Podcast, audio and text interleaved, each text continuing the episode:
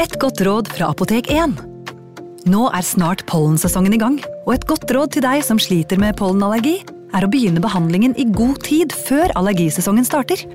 Da får du nemlig enda bedre effekt av legemidlene, og så blir ikke våren din helt ødelagt. Kom innom og få råd på ditt nærmeste Apotek 1, eller chat med oss på apotek1.no.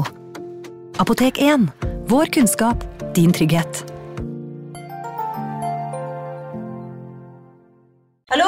Jeg kommer fra Oslo politikammer. Ine Jansen er purk. Er du purk? The motherfucking bitch. Alt jeg vil, er å finne ut hva som skjedde med mannen min. Jon Carew. Er jeg sikta for noe? Iben Akeli. Det er du. Ole So, Lars Berrum og Big Daddy Karsten. Hvem sin side er du på, egentlig? Anette Hoff, Tone Danielsen, Kommer du fra Afrika? Jørnis Josef, Nesten kløfta. Trond Espen Seim, Det er synd å si det, men det var feil mann som døde. Purk. Premiere tirsdag på TV2 Play. Ungsamtalen fra DNB er økonomisk veiledning tilpasset deg som er ung. Bokk en ungsamtale på dnb.no. slash ung. Det er kjempebra hvis du skal inn på boligmarkedet, hvis det er drømmen din, liksom. Det er det du skulle sagt. Og så kunne du ropt litt mer, da, sånn som jeg gjorde. Bam! Advarsel. Historiene vi forteller i denne podkasten kan være fiktive og avvike fra den opprinnelige historien av dramaturgiske årsaker. Meninger og påstander i historiene reflekterer nødvendigvis ikke programledernes meninger eller virkeligheten.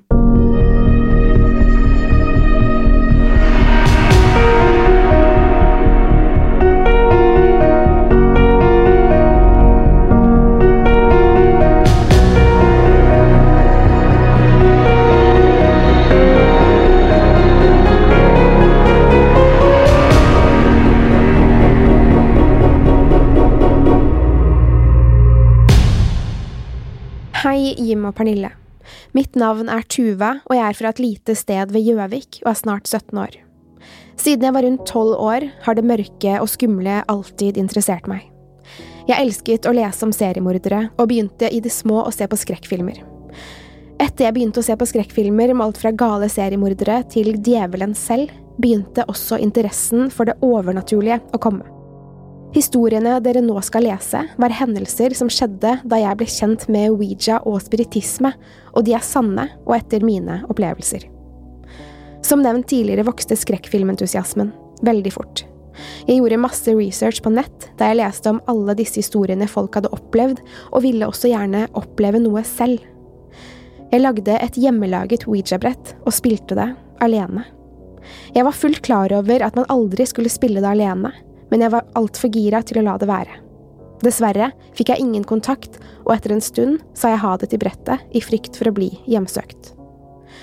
Etter et par uker prøvde jeg igjen, men fikk fortsatt ingen kontakt. Men etter et par dager var jeg alene hjemme. Vi bodde i et gammelt, hvitt hus med to etasjer. Jeg satt på rommet til mamma og pappa med døra til gangen åpen, og da jeg satt i sengen så jeg rett ut i gangen, ut mot et lite kott. Jeg bestemte meg for å leke litt proff og spurte i vilden sky ut om det var noen der. Fikk ingen svar, så jeg bestemte meg for å sette på taleopptak da det kan komme lyder jeg ikke hørte selv. Jeg gjentok meg selv rundt ti ganger da jeg sa bank tre ganger om noen er her. Ingen svar, så jeg slo av taleopptaket. Med en gang jeg slår av taleopptaket, begynner en vill banking fra kottet. Ikke skraping eller en lav lyd, men en skikkelig bankelyd, som om noen banket hardt i veggen. Jeg frøs til og fikk ikke rørt meg. Det banket sammenhengende i rundt ti sekunder, som om det ikke ville være nok, flyr en skygge forbi døren til soverommet og ned trappen. Jeg ble livredd og ringte til mamma. Må også tilføye at mamma og pappa ikke tror på dette og ber meg slutte å skremme meg selv, og prøver å roe meg ned med at det kun var vinden eller et dyr. Etter samtalen med mamma tenkte jeg at jeg bare skremte meg selv, og at dette kun var underbevisstheten som tuller med meg. Men det viste seg at noe mye mer skremmende skulle skje, kun et par uker senere. Det var vinter, like etter jul, og jeg sitter på rommet med lampen på pulten skrudd på, som var det eneste lyset i rommet der og da. Jeg ryddet rommet mitt og gikk gjennom noen skuffer. Der finner jeg det samme Ouija-brettet jeg hadde brukt for et par uker siden, og river det i filler og kaster det i søpla. Etter et par minutter finner jeg et korssmykke i gull som jeg hadde fått i konfirmasjonsgave. Jeg tukler litt med det og legger merke til at lampen min begynner å blinke. Jeg fikler litt mer, og lampen blinker mer og mer. Da bestemmer jeg meg for å gå bakerst i rommet for å se om lampen blinker enda mer, noe den ikke gjør. Men desto mer jeg nærmer meg lampen med smykket i hånden, jo mer blinker den. Jeg setter meg ned ved pulten og tar smykket kjapt rett mot lampen, og idet smykket er en millimeter under lampen, går strømmen i absolutt hele nabolaget. Jeg løper ut av rommet og føler at noe er bak meg, men er for redd til å snu meg. Det var mørkt i hele nabolaget, inkludert huset vårt, så jeg har bare lommelykten på telefonen å gå etter.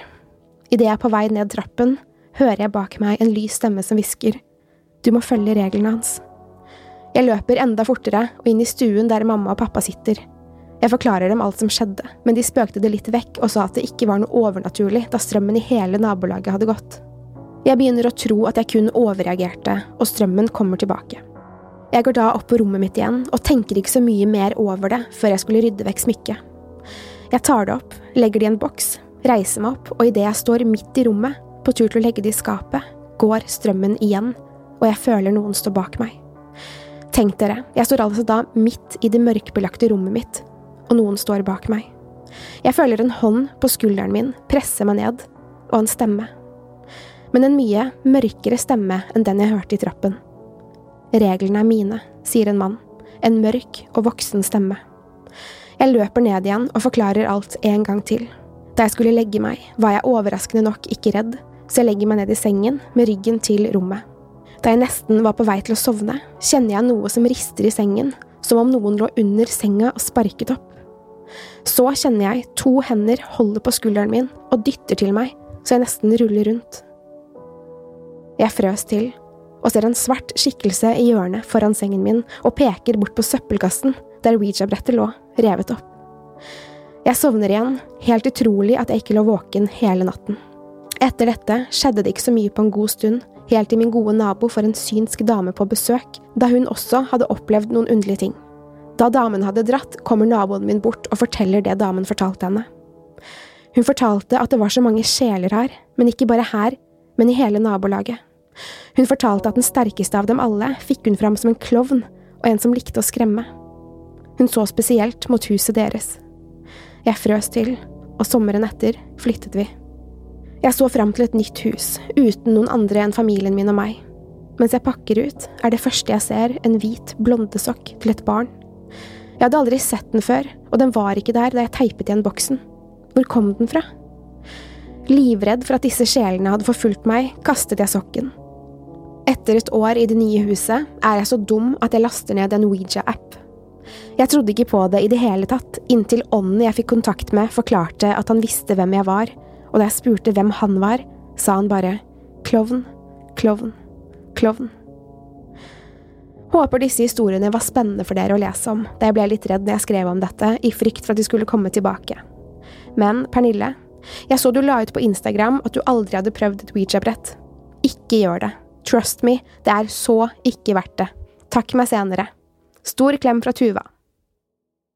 Og takk til Tuva som har sendt inn ukens uh, lytterhistorie. Pernille, vet du hva jeg har lagt merke til uh, siste uken? Hva? At uh, på Instagrammen vår så har folk uh, begynt å unnskylde til raken også. Ja, tenk på det. Ja. Men det var en veldig creepy historie, Jim, så jeg skjønner at folk er redde. Men jeg vet Mhm. ikke om det hjelper. Jeg tror ikke raken tar noe hensyn sånn som Robert Doll, men Felix. Ja? Du, eh, så vidt jeg vet, eh, har nekta å beklage til eh, Robert Doll. Ja, det er korrekt. Du har heller ikke gjort det siden sist. Nei. Kunne du vurdert å beklage til Raken, da? Nei. Men hvis det skjer noe, så kan det hende jeg beklager. Men hva, hvor ille er det som Eller hva må skje for at det er ille? Eh, Jeg må skade meg, tror jeg. Hvordan da? Knekke armen, eller jeg vet ikke. Altså på Ja, eller det nivået? Ja, ja. Men denne uken så har jo vi fått en del Instagram-poster hvor folk har, forteller om at de har skadet seg. Ja. Så, og det har jo vi sendt til Felix, du og jeg, Jim. Og likevel vil han ikke beklage. Så Nei, har det vi snart ikke andre- produsent lenger. Nei? At det skjer med andre, det betyr ingenting. Hmm. Ok, jeg vil deg ikke vondt, Felix, men uh, det begynner liksom å gå litt Det kan gå på helsa løs. Ja, vi får se, da. Ja, vi får se. I dagens program, Pernille, så har vi et uh, gjennomgående tema, for hele episoden. Hva er det? Det er hjemsøkte steder. Vi skal fortelle om et hjemsøkt sted hver. Fortellingen min er om selvmordsskogen Aukigahara. Mm. Og jeg skal fortelle om Bærums Verk, der jeg er fra, for det er et veldig hjemsøkt sted. Da kan jo for så vidt eh, jeg bare starte. Gjør det, du. Da gjør jeg det. Ikke så langt fra Koshu i Japan, ved foten av Mount Fuji, ligger den storslåtte skogen og nasjonalparken Aokigahara. I år 864 var det et voldsomt vulkanutbrudd på Mount Fuji. Dette dekket et stort område med lava. Ut av den størknede lavaen vokste det frem en frodig skog som ble kalt for yukai. Yukai betyr hav av trær. Dette var noe den fikk ettersom det sies at det eneste man ser halvveis oppe i fjellet, er et hav av grønne og frodige trær. Nesten et idyllisk syn hadde ikke vært for all disen som ligger over trærne. Skogen ble senere offisielt kalt for Aokigahara. Aokigahara er en stor skog. Den er på nesten 35 kvadratkilometer. Den størknede lavaen har gitt skogen et mørkt og melankolsk preg. Trærne i skogen er så høye og kraftige at solen har vanskeligheter for å trenge inn. Dette er en mørk skog. De gamle trærne har i lang tid fått lov til å vokse helt fritt i denne skogen. Et vanlig syn i Aokigahara er trærne som er vendt i rare og unaturlige formasjoner. Det er nesten som om trærne ikke vil vokse der, og at trærne prøver å flykte og rømme fra skogen. Kraftige røtter som åler seg langs bakken, dekker store deler av skogen, som gjør det lett å snuble. Store og små huler finnes i skogen, og de fleste av dem fylles med snø og is om vinteren. Noen fylles allerede i løpet av en natt, så hvis man søker ly i en av dem, kan man ende opp i ihjelfrossen og kanskje ikke bli funnet før våren kommer. På grunn av magnetiske felt i skogbunnen, skapt av alle lavaen, fungerer verken mobiltelefoner eller kompass her. Man kan verken ringe etter hjelp eller stole på at kompasset tar deg i riktig retning, og det er mange som har dødd fordi de har rotet seg vekk. Aokigahara blir beskrevet som en spesiell skog av forskjellige årsaker, kanskje mest av alt på grunn av stillheten og stemningen som folk føler i skogen. En skog nesten blottet for alt dyreliv. Ikke engang fugler skal kunne høres i skogen. Aokigahara har gjennom årene opparbeidet seg et grusomt rykte, og blir oftest referert til som selvmordsskogen. Skogen som sies å være hjemsøkt av plagede sjeler. Fra gammelt av skal folk ha brukt skogen til å sette både barn og eldre ut for å dø. Som oftest når de ikke hadde råd til å ta vare på dem. Men også eldre skal komme til selvmordsskogen for å ende sine dager her. Hvis de følte at de ikke lenger kunne bidra med noe, og var til belastning for barna, var selvmordsskogen et rolig sted å ende sine dager. Det skal ha blitt etterlatt mange hundre barn her opp gjennom årene. Dårlig økonomi, uønskede barn eller rådløshet kunne drive desperate foreldre inn i skogen med barna sine. Som oftest kom de ut færre enn de gikk inn i skogen. Som en labyrint av krokede trær og et evig dunkelt landskap ville være nærmest en umulig oppgave for et lite barn å navigere seg ut av skogen. Etterlatelse i Yukai var som oftest en garanti for en rask død. Hvis sulten ikke tok barna, ville de fort nok dø av utmattelse. De som ble etterlatt i skogen, blir i dag kalt for de glemte. Skogen sies å hjemsøkes av de som kalles for jurei. En jurei skal være en person som har lidd en spesielt brutal død, og som aldri skal ha funnet roen i etterlivet. Jureiene kan i dag spottes gjennom de store trærne i skogen. De sies å være på en endeløs søken etter å lokke de besøkende dypere inn i skogen. Så dypt at du ikke finner veien ut igjen, og at du kan bli nok en sjel til skogen. Jureiene skal være mestere i å etterligne stemmen til folk. De skal også være flinke til å ta den fysiske formen til folk og andre skapninger. Hvis du hører moren din rope til deg bare noen trær foran deg, og du velger å sjekke om hun er der, vil du aldri finne henne. Men heller et nytt rop, bare noen trær lenger inn. Og når det er så mørkt rundt deg i den dypeste delen av skogen, så tror du kanskje at du ser henne også, bare noen trær foran deg. Men når du kommer dit du trodde hun var, så finner du bare mer trær. Bøyde og i formasjoner du ikke visste trær kunne vokse i, så stopper plutselig alt. Det blir helt stille. Idet du søker rundt deg, vender hodet i begge retninger, gjentatte ganger, spisser ørene, i håp om ørene, så er det helt stille. Øst og vest ser helt likt ut. Nord og sør kunne gjerne vært øst eller vest. Så synker det sakte inn. Her blir jeg. Det er her det hele stopper. Kjæreste, barn, foreldre og venner. Du har sett dem for siste gang. Nå er det bare deg og skogen. Valgene er om du skal holde ut til kroppen svikter, kanskje finne noe vann, noe mat, kanskje er det mulig å holde ut noen dager til, eller skal du bare stoppe det hele her og nå? I mange år har skogen vært et populært sted for folk å ende sine liv. Japan ligger på verdenstoppen i antall selvmord, og Akigahara er et av stedene hvor det begås flest selvmord i hele verden. Det er vanlig å se telt stå rundt om i skogen. Her tilbringer folk gjerne flere dager før de får motet til å vandre til sitt utvalgte, unike sted. Stedet der de ønsker å henge løkken over treet de har valgt ut. Treet som får i oppdrag å ende det hele. For de kraftige trærne er ideelle til å holde løkker. De er sterke, og det sies at hver eneste sjel som etterlates i skogen, gjør skogen sterkere. Hvert eneste tre vokser, slik at neste løkke henger enda bedre enn den forrige.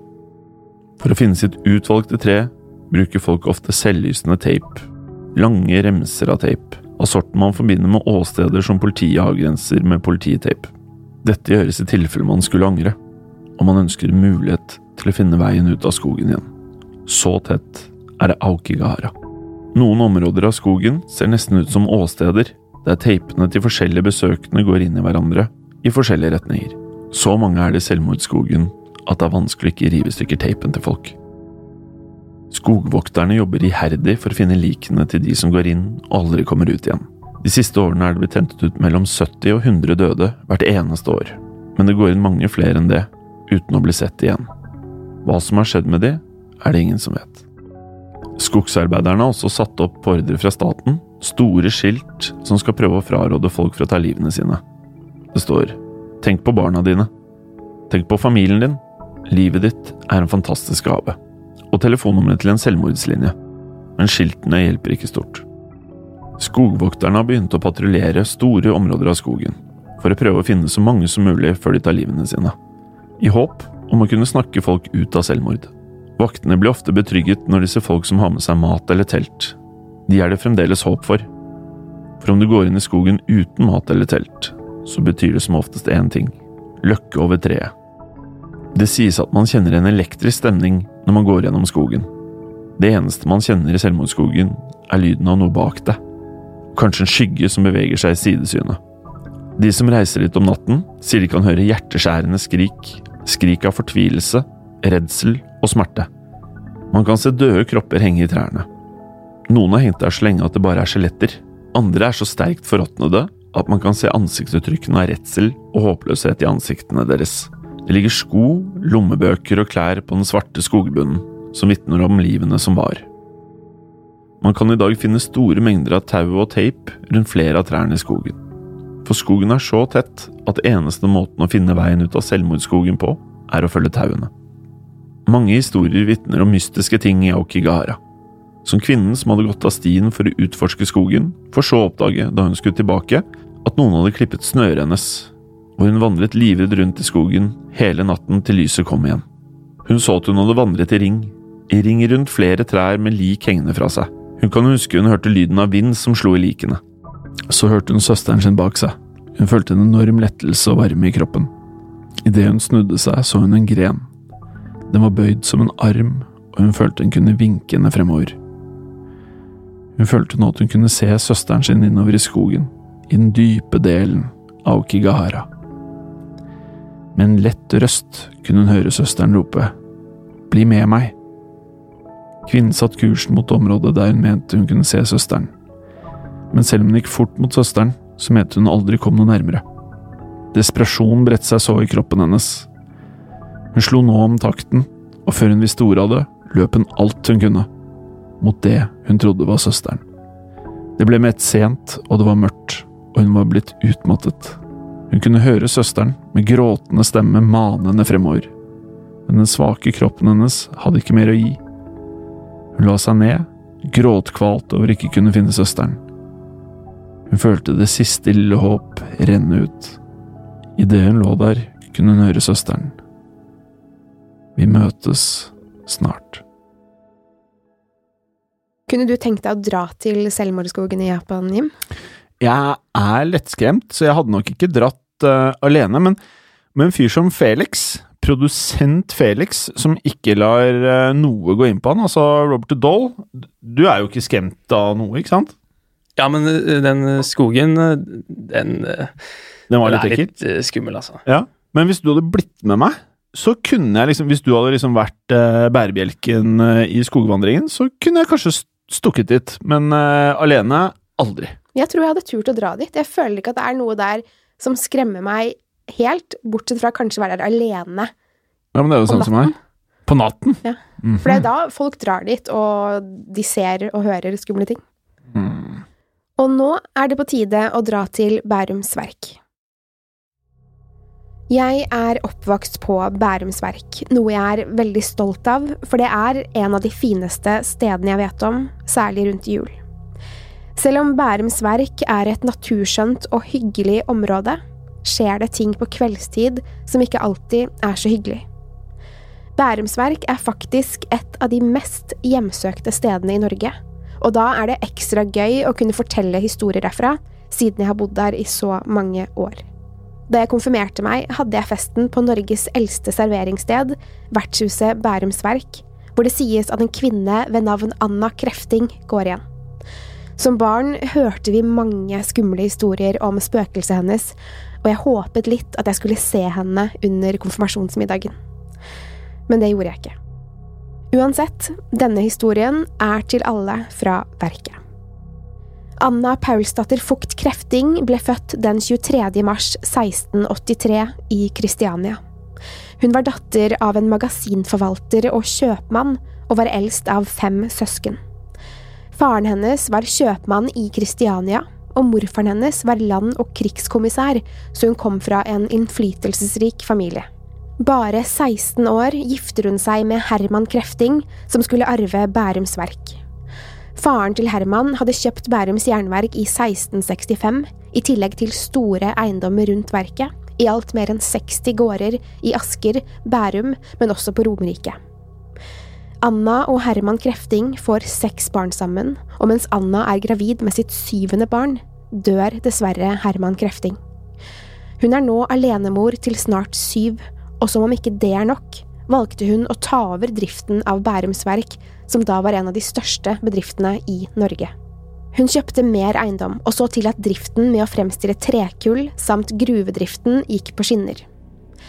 Anna Krefting startet også en verksskole for de ansattes barn, ga penger til kirker og hjalp mange mennesker gjennom livet sitt. Anna fikk også bygget en gravkjeller for familien sin. Hun drev også Dikemark jernverk sammen med datteren. Det har vært kongebesøk på jernverkene, annet Karl 12., som besøkte stedet i 1716, da det første norgesfelttoget marsjerte inn i landet. Anna Krefting advarte de norske styrkene om at svenskene kom, og det førte til at svenskene vurderte å brenne ned hele jernverket. Selv om svenskene ikke brant ned noen av jernverkene, brant Bærums Verk nesten helt ned til grunnen i 1762. Da var Anna Krefting nesten 80 år gammel og bestemte seg for å bygge jernverket opp igjen. Dessverre ville ingen av etterkommerne hennes overta driften av verket, så det ble etter hennes død solgt på auksjon i 1766. Anna Krefting ble gravlagt i sitt eget gravkapell i Tanum kirke, som også ligger i Bærum. Det sies at Anna Krefting går igjen på Bærums verk, særlig på vertshuset. I vertshusets andre etasje er det flest som har sett henne. En streng, litt gjennomsiktig kvinne som særlig dukker opp når mørket faller på. Det kan virke som om hun dukker opp når folk er redde og ikke vil se henne. Da kommer hun frem. Hun viser seg mest etter at folk har snakket om eller tenkt på henne, nesten som hun vet hva andre tenker, og spiller på frykten deres.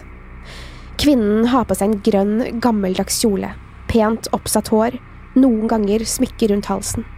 Hun stirrer på de ansatte eller gjestene, og en kan kjenne kulden bre seg over rommet hun viser seg i.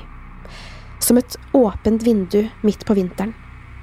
Noen ganger kan man se henne som en skygge i øyekroken, og om kvelden kan man høre møbler og ting flytte på seg, eller skritt over gulvet. Hun liker ikke forandringer, Anna Krefting, og aktiviteten blir verre hvis noe endres på vertshuset. Noen har fortalt at mens de satt og spiste en kveld, kunne de høre en kvinnestemme langt, langt borte, og en skikkelse som tittet frem fra døråpningen ved trappen. Flere i selskapet så henne, noen trodde hun jobbet der, men da en av gjestene spurte servitøren hvem den eldre kvinnen var, hadde servitøren blitt hvit i ansiktet og sagt det jobber ingen eldre kvinne her. Da forsto de at det kanskje var selveste Anna Krefting som tittet på dem. Anna Krefting prøver å hjelpe de ansatte med det daglige arbeidet. Tallerkener flytter på seg om de ikke er satt ordentlig frem, bestikk og glass kan falle i gulvet selv om ingen er i rommet, og noen ganger kan en kjenne en hånd på skulderen som en slags veiledning. Det kan plutselig komme oversvømmelser på kjøkkenet eller badene på vertshuset, og flasker kan plutselig fly fra hyllene. Både gjester og ansatte er veldig redde for henne. Før i tiden var vertshuset et populært sted for gjennomreisende, og har vært i drift siden 1640. Mange mennesker og skjebner har fart gjennom det gamle huset. Anna Krefting var mye der da hun var i live, men tydeligvis er hun der enda. Det er ikke bare Anna Krefting på vertshuset som spøker på Bærums Verk. Nesten i enden av Verksgata ligger en bygning som kalles Rådhuset. Det var her en annen eier av Bærums Verk bodde. Konrad Clausen ble født i 1754 og overtok eierskapet og driften av Bærums Verk i en alder av bare 18 år. Han hadde kjøpt verket etter at det ble solgt på auksjon da Anna Krefting døde. Han hadde utdannet seg i England og var en god forretningsmann som fikk stedet til å blomstre. Den store masovnen brant hele året, som ga en god økonomisk avkastning og mange arbeidsplasser. Konrad Clausen bodde sammen med kona i huset som kalles Rådhuset, og drev Bærums Verk frem til han døde, bare 31 år gammel. Mange tror at Konrad ikke visste at han døde, for det sies at han går igjen på Bærums Verk. Hver natt klokken 23.30 eller 00.30, avhengig om det er sommertid eller vintertid, ringer telefonen. Til akkurat samme klokkeslett. Mange har prøvd å finne ut av hvorfor telefonen ringer til samme tid, men ingen har klart å finne en helt logisk forklaring på det. Hvis man tar telefonen når den ringer om natten, er det først stille før man hører en pipelyd.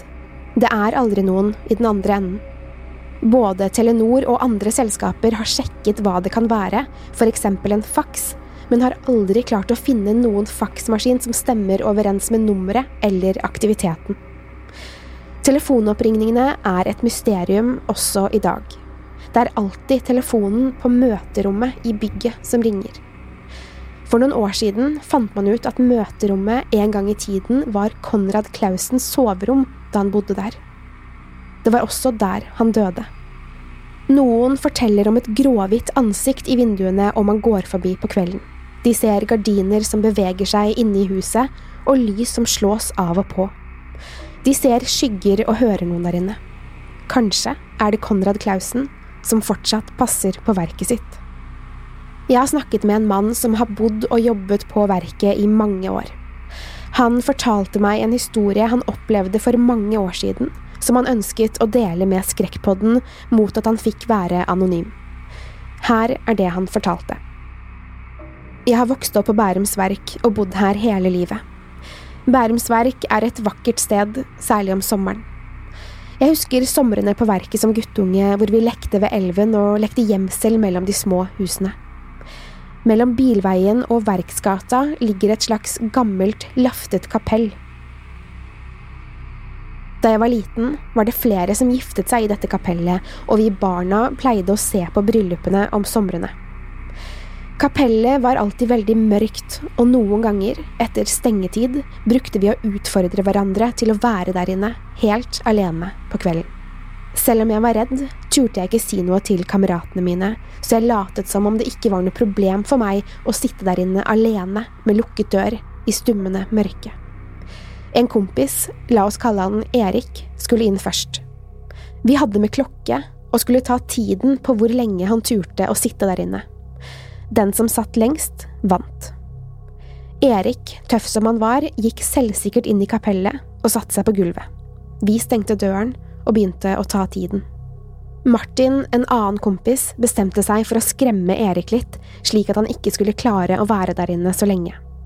Martin tok med seg en pinne og begynte å banke på den bakre veggen. Slutt, da, ropte Erik tilbake. Han forsto at det var en av oss som tullet med han. Tiden gikk, og etter hele syv minutter, en ny rekord, kom Erik stolt ut. Han var litt blek om nebbet og sa at det ikke var morsomt. Hva da? spurte vi. De lydene, svarte Erik irritert. Jeg sluttet med en gang, sa Martin. Jeg mener ikke at du slo i veggen, sa Erik. Jeg mener den hviskingen. Hvorfor gjorde dere det? Vi hvisket ikke, svarte vi og ble litt nervøse. Ingen andre hadde vært i nærheten av kapellet. Jo, det gjorde dere, ropte Erik, tydelig opprørt. Dere sa jeg skulle dø. Erik så skrekkslagen ut og gikk litt unna oss. Vi andre så på hverandre. Ingen hadde hvisket noe om at Erik skulle dø. Så var det min tur til å sitte i kapellet. Jeg skalv over hele kroppen da jeg skulle inn, redd for hviskingen og kanskje alle spøkelsene vi hadde hørt fantes her om kvelden. Jeg trakk pusten dypt og prøvde å late som jeg ikke var redd. De andre stengte døren, og et dypt, stillestående mørke omsluttet meg. Rommet var kjølig, selv om det var midt på sommeren. Jeg kjente en kald bris mot huden, sikkert fra sprekkene i veggen. Øynene mine vendte seg så smått til mørket, og jeg kunne skimte konturer av kapellet. Plutselig hørte jeg bankingen. Martin, gi deg da, ropte jeg ut i intet. Martin svarte ikke. Bankingen kom igjen. Én, to, tre. Jeg sukket høyt og prøvde å tenke på noe annet. Én, to, tre. Der var det igjen. Slutt! ropte jeg og kjente at jeg ble sint. Men ingen svarte utenfor. Jeg så meg rundt, og i det ene hjørnet av det lille rommet så det ut som det satt noen. En veldig liten skikkelse. Hadde noen av de andre gjemt seg her inne for å skremme meg? Jeg myste mot hjørnet. Kanskje jeg hadde tatt feil? Nei, det satt noen der. Hallo, sa jeg med en skjelvende stemme. En, to, tre. Bankingen var der igjen. Nå er det ikke noe morsomt lenger, sa jeg ut i rommet, og hørte noen bevege seg. Jeg snudde meg, for bak meg kjente jeg at noen kom nær T-skjorten min. Da hørte jeg det. En lav, hviskende stemme. Du skal dø. Du skal dø. Du skal dø. Jeg reiste meg, skrek og løp mot døren. Det var helt mørkt utenfor, men jeg hadde bare sittet der noen få minutter. Trodde jeg. De andre var ikke der, og klokken var halv ti på kvelden. Jeg hadde vært der inne i over to timer. Neste dag møtte jeg de andre etter frokost. Irritert spurte jeg hvorfor de hadde gått fra meg. De andre så rart på meg og sa at jeg hadde ropt at de bare kunne gå, jeg skulle bli der inne litt lenger, da de sa det var på tide å gå hjem. Jeg kunne ikke huske at jeg hadde ropt det til dem, jeg sa jeg bare ropte da Martin banket i veggen. Martin ble helt hvit i ansiktet, og de andre så redde ut, de også. Jeg banket aldri i veggen, sa Martin. Hva eller hvem som var der inne i kapellet den sommerkvelden, aner jeg ikke, men jeg er helt sikker på at jeg så noen, hørte bankingen, og at noen hvisket til meg. Jeg har mareritt om det enda. Du skal dø. Bærums verk, eh, Pernille, er utvilsomt skummelt. Ja. Um, jeg syns vi må uh, be folk fortsette med å sende oss masse, nummer én, hyggelige mails. Ja. Uh, blir jo litt smigret, da. Veldig, faktisk. Ja. Uh, og det er jo noen som uh, maser litt på Felix her, og kanskje du faktisk burde høre på folket og beklage overfor Robert. Vi får se. Får se. Jeg vil nødig sitte her med en produsent uten arm. Um, utover det, send oss um, gjerne en kommentar på DM på Instagram hvis du vil. Send oss mails, og kommenter gjerne i kommentarfeltet og rate oss på iTunes. Yes. Hold det skummelt. Hold det skummelt.